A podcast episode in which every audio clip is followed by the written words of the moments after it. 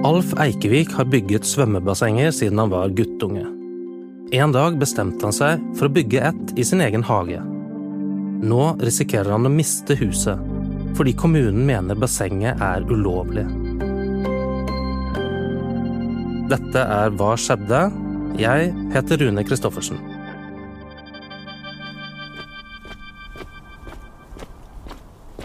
Du får ta oss og vise meg rundt litt her, da. Ja da.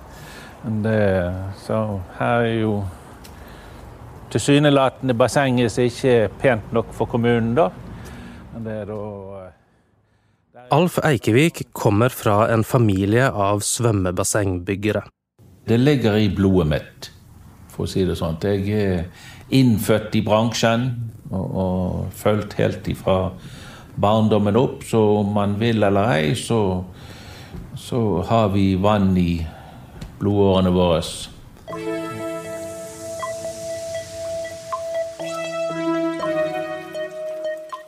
For nesten 60 år siden dro Alfs foreldre på bryllupsreise til Florida. Der jobbet tre onkler og tre fettere med å bygge svømmebassenger. Faren til Alf gikk inn i samme bransje, og familien ble værende i solskinnsstaten. Gutten vokste opp med store grillfester ved bassengkanten. Han var omgitt av håndverkere og lærte seg å bli nevenyttig. Da Alf var ti år gammel, flyttet de tilbake til Norge. Og så snart han ble stor nok, startet han sitt eget bassengfirma i Bergen. Hvor mange basseng har du bygget i den tid? Nei, Det har jeg ikke tall på, men det er ganske mange. Det er det. Alf og konen Judith bor i en enebolig i Åsane, på kanten av en skrent, høyt over hovedveien. Alf husker ikke helt når han kjøpte huset, men han mener det er rundt 35 år siden. Gjennom årene har han og konen lagt ned enormt mye arbeid på den bratte tomten. De bygget støttemurer og garasje og utekjøkken, og en fontene som var så stor at ungene kunne bade i den da de var små. Men drømmen var et skikkelig svømmebasseng. Et basseng som var flott nok for en som selv jobbet i bransjen. Med eget badehus, innfelte lykter og høyttalere, og mosaikker av delfiner og havfruer. I 2006 begynte de på jobben. Hele bassenget med alt sitt arbeid rundt, alle materialer som forskaling og jern og sånn, det er jo da båret for hånd. Der er ikke vei helt frem til huset og ned til bassenget. Jeg er kanskje litt utenom den vanlige personen med det at når man først har kommet i gang med et prosjekt, så jobber vi dag og natt, lørdag og søndag sikkert til noens frustrasjon. Men altså, vi har jobbet i hver eneste fritidsmulighet som vi da har hatt, for å bygge tingene videre.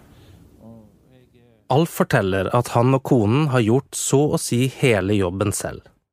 Det er vanskelig å ta inn over seg hvor mye arbeid som ligger bak. Bassenget er senket ned i en stor platting, og under den har Alf innredet en etasje der firmaet hans har kontor og så er det en kjeller under der igjen. Problemet er at kommunen mener hele dette byggverket er ulovlig, fordi det aldri er gitt noen byggetillatelse. Nei, du har tatt deg til rette. Nei, du har ikke søkt. Eh, vi har egentlig ikke ord for kommunens rigide behandlingsforhold. For det der er absolutt ingen vilje til å hjelpe. Alf sier at han møtte opp personlig hos kommunen for å levere byggesøknaden for 15 år siden. Da han ikke hørte noe, gikk han i gang med arbeidet. Han sier han var i god tro, for i loven sto det at man kunne begynne på enkelte mindre byggeprosjekter hvis det gikk tre uker uten at man fikk svar på søknaden. Alf mener kommunen må ha rotet bort søknaden. For de som har holdt på med å bygge eller søke selv, eller har fulgt med i, i byggesaksforhold. Så fra 2004 til 2010 så hadde Bergen kommune uhorvelig med utfordringer og problemer med byggesak. Lang saksbehandlingstid, mangel på folk. Og, du fikk aldri fatt i det når du ringte, for de svarte ikke telefon fordi de var så underbemannet. Og det er jo noe som er veldig godt dokumentert mediemessig og, og avismessig med alle problemene som kommunen har hatt. Alf og konen hadde jobbet i to år da de fikk beskjed fra kommunen om å stoppe arbeidet. Da hadde en nabo klaget på bassenget. Det ble starten på en lang dragkamp med myndighetene. Kommunen krevde at bygget måtte rives fordi det ikke oppfylte estetiske krav. Og så begynte dagbøtene å løpe. I dag har de kommet opp i 1,7 millioner kroner. Men det er bare noen av regningene. Sakførerhonorar og arkitekthonorar og oppmåling og konsulent. Jeg har ingen anelse, jeg tør ikke regne det. Koster mer enn det vi har bygget området for alene. Det er sikkert en million eller mer.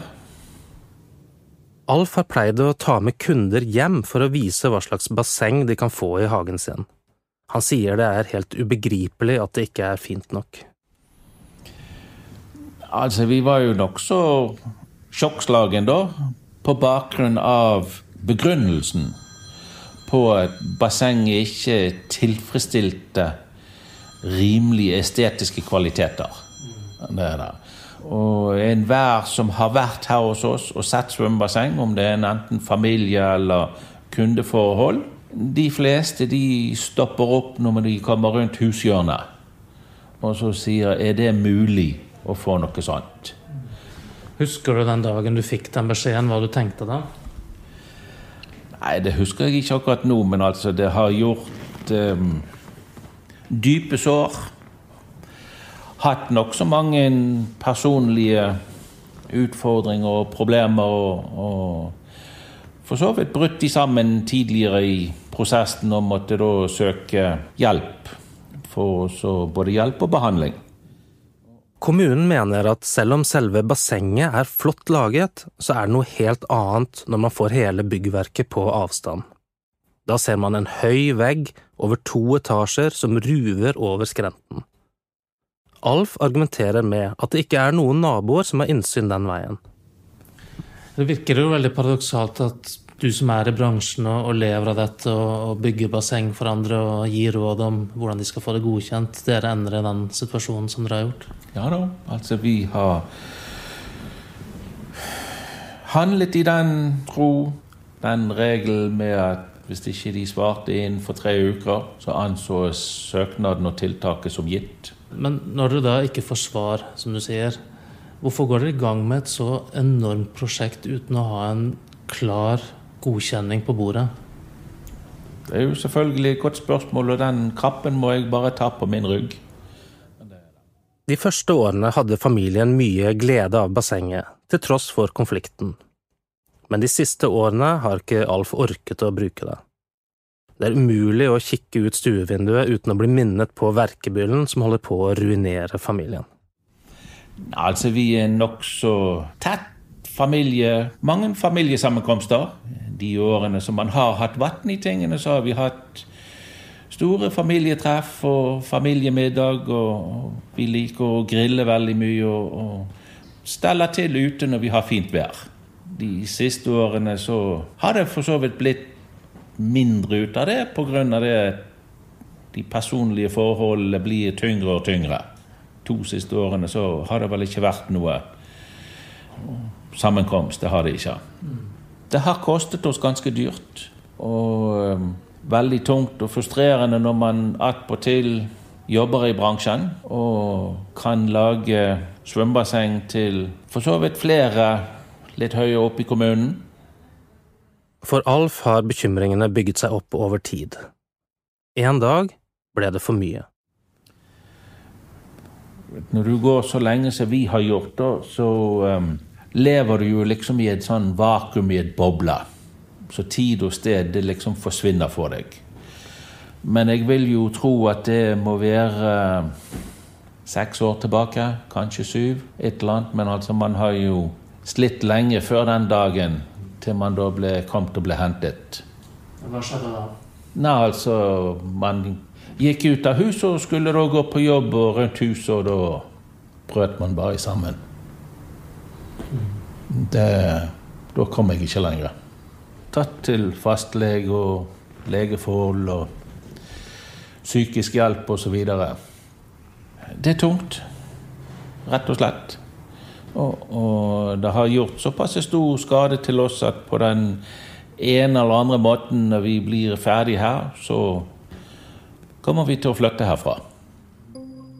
Gjelden til kommunen har gjort at Alfs sparepenger er tapt.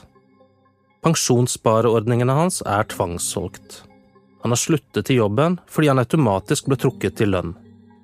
Da han gikk til behandling hos psykolog, ble også utbetalingen fra Nav avkortet for å dekke gjelden. Alf sier han har fått tilbud fra et firma om å rive bassenget for fire millioner kroner. Det er penger han ikke har. Nå krever kommunen at huset blir tvangssolgt. Ja, vi ble satt på gaten i hvert fall. Og, og det er litt pikant i det forholdet. Bergen kommune er jo pliktig å skaffe oss bolig.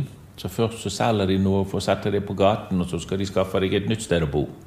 Du tror ikke at dere blir sittende igjen med nok til å kunne kjøpe noe nytt? Nei, altså Jeg har vanskeligheter for å tro at noen, eller flere, er interessert i en budkrig for noe som koster fire millioner å rive. Så hvis noen ønsker å, å kjøpe det, så er det jo ikke nødvendigvis en privatperson. Og jeg vil jo anta at noen kjøper det opp for slikk og ingenting, for å ha et fortetningsprosjekt. Hva skulle du ønske at du hadde gjort annerledes i, i denne saken? Ikke begynt i det hele tatt. Og det heter et ordtak som heter at 'skomakerens barn går med hullete sko'. Så vi som lager svømmebasseng, vi skal helst ikke ha svømmebasseng.